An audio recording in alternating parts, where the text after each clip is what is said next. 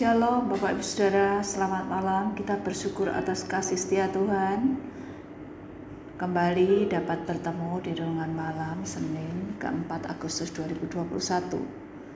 Mari sebelumnya kita berdoa, mohon pertolongan Tuhan sebelum kita memperhatikan dan merenungkan kebenaran firman-Nya. Bapa yang di surga, kami bersyukur untuk pertolongan, kebaikan Tuhan yang sudah memampukan kami untuk menjalani kehidupan sepanjang hari ini. Saat ini kami akan membaca dan merenungkan firman-Mu. Kami mohon hikmat Tuhan membuat kami mengerti apa yang Tuhan mau kami mengerti dan melakukannya seperti yang Tuhan mau untuk kami lakukan dalam hidup kami.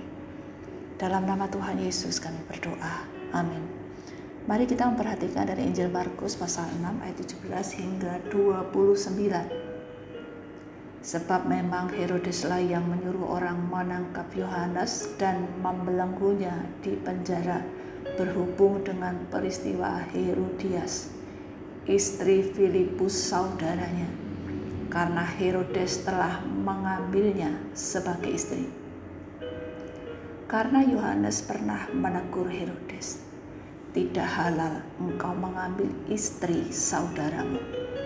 Karena itu Herodias menaruh dendam pada Yohanes dan bermaksud untuk membunuh dia, tetapi tidak dapat sebab Herodes segan akan Yohanes karena ia tahu bahwa Yohanes adalah orang yang benar dan suci.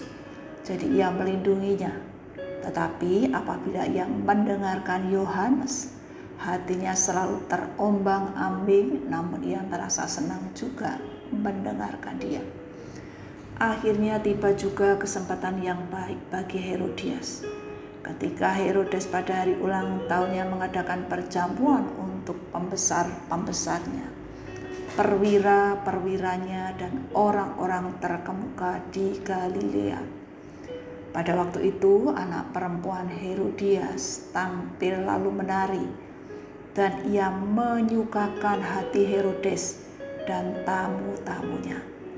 Raja berkata kepada gadis itu, "Minta daripadaku apa saja yang kamu ingini, maka akan kuberikan kepadamu." Lalu bersumpah kepadanya, "Apa saja yang kau minta akan kuberikan kepadamu, sekalipun setengah dari kerajaanku." Anak itu pergi dan menanyakan ibunya, "Apa yang harus ku minta?" Jawabnya, "Kepala Yohanes Pembaptis." Maka cepat-cepat ia pergi kepada raja dan meminta, "Aku mau supaya sekarang juga engkau berikan kepadaku kepala Yohanes Pembaptis di sebuah talak." Lalu sangat sedihlah hati raja, tetapi karena sumpahnya dan karena tamu-tamunya ia tidak mau menolaknya. Raja segera menyuruh seorang pengawal dengan perintah supaya mengambil kepala Yohanes. Orang itu pergi dan memenggal kepala Yohanes di penjara. Ia membawa kepala itu di sebuah talam dan memberikannya kepada gadis itu, dan gadis itu memberikannya pula kepada ibunya. Ketika murid-murid Yohanes mendengar hal itu, mereka datang dan mengambil mayatnya, lalu membaringkannya dalam kuburan. Memberikan teguran dapat mendatangkan risiko yang baik atau tidak baik, menyenangkan atau menyedihkan, diterima atau ditolak, bahkan dapat menyebabkan kematian. Ada kalanya teguran yang benar dapat menimbulkan kemarahan, sakit hati, rasa dendam, dan sebagainya. Yohanes Pembaptis menegur Herodes Antipas, anak Herodes Agung, yang menikahi Herodias, istri Herodes Filipus. Dengan berani Yohanes mengatakan, tidak halal engkau mengambil istri saudaramu.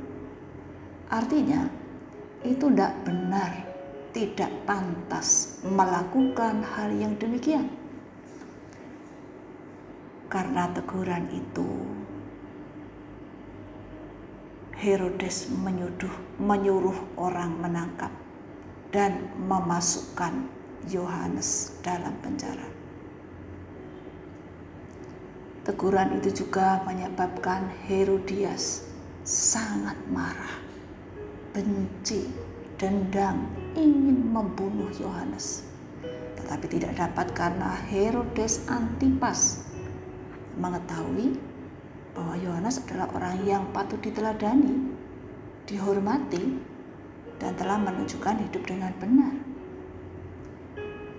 Herodes hatinya selalu terombang-ambing tetapi ia merasa senang mendengarkan yang diajarkan Yohanes. Hal ini menunjukkan bahwa ia bingung, tertekan, gelisah. Meskipun dalam beberapa hal ia merasa senang, tetapi pikirannya terganggu dan ia masih dapat menghormati Yohanes. Ketika Herodes mengadakan pesta ulang tahun. Salome, putri Herodias, menari, menyenangkan para tamu undangan maupun Herodes secara pribadi. Kemudian Herodes berkata pada Salome, Mintalah kepadaku apa saja yang kamu kendaki dan aku akan memberikannya kepadamu dan bersumpah kepadanya. Apa pun yang kamu minta dariku, aku akan memberikannya kepadamu setengah dari kerajaanku. Anak tersebut menanyakan pada Herodias apa yang harus diminta. Tentu ini jawaban yang tidak pernah terpikirkan oleh anak tersebut maupun Herodes. Tanpa berpikir panjang, tanpa berlama-lama berpikir, Herodias mengatakan supaya minta kepala Yohanes Pembaptis. Pemerti permintaan yang sungguh mengerikan, menyedihkan, tidak wajar. Mendengar permintaan tersebut, raja sangat sedih, menyesal karena ia terjebak dengan perkataannya sendiri. Ia tidak dapat melanggar sumpahnya atau membatalkan yang telah dijanjikan pada putri Herodias itu. Ia harus melaksanakan dan membuktikan yang telah dikatakannya. Herodes saja senang mendengarkan ajaran yang disampaikan Yohanes. Namun ia sendiri hati nuraninya telah mati sehingga memerintahkan para pengawal untuk memenggal kepala Yohanes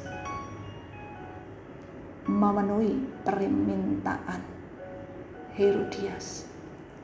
Hati nurani yang mati akan lebih memilih untuk melakukan yang dilihat manusia untuk menyenangkan manusia daripada mentaati firman Tuhan. Hati nurani yang mati tidak dapat menerima peringatan, teguran, padahal sudah jelas melakukan kesalahan. Banyak cara yang Tuhan pakai untuk memberikan peringatan, teguran ketika kita melakukan kesalahan. Tuhan mengendaki supaya kita melakukan yang benar sesuai dengan firman Tuhan. Bersyukurlah jika Tuhan mengingatkan, memberikan teguran karena tujuannya adalah untuk kebaikan kita karena justru melalui teguran, di situlah Tuhan menyatakan kasihnya. Memang tidak enak jika menerima teguran, tetapi perlu kita sadari, lebih baik menerima teguran daripada dibiarkan melakukan yang salah, yang akan membawa pada kehancuran. Kiranya Tuhan menolong kita semuanya untuk rendah hati ketika menerima teguran dari Tuhan. Kita berdoa. Bapa yang di surga, terima kasih atas firman-Mu yang terus mengingatkan, memberikan teguran, mengarahkan hidup kami agar seturut dengan kebenaran firman-Mu. Berikanlah kami kerendahan hati, hikmat dalam menerima teguran, sehingga memberikan kami kemampuan untuk menjadi teladan yang baik, memberikan kesaksian hidup yang benar. Jangan biarkan kami melakukan yang salah dalam pandangan Tuhan. Bawalah kami untuk hidup dalam kebenaran yang telah Tuhan tetapkan. Jadikanlah hidup kami seturut dengan yang kau kehendaki. Baik dalam pekerjaan, keluarga, pelayanan, maupun dalam berelasi dengan sesama. Bapa, hidup kami adalah milikmu. Oleh karena itu kami menyerahkan hidup kami. Selanjutnya hidup kami sepenuhnya. Istirahat malam ini dalam kasih Tuhan yang sempurna. Kami percaya dengan anugerahmu kami dikuatkan, dipimpin oleh Tuhan untuk menjalani hari esok sesuai dengan yang Tuhan tetapkan untuk kami jalani. Terpujilah nama Tuhan. Dalam nama Tuhan Yesus kami berdoa. Amin. Bapak Ibu sekalian, selamat malam, selamat beristirahat. Tuhan Yesus memberkati. Amin.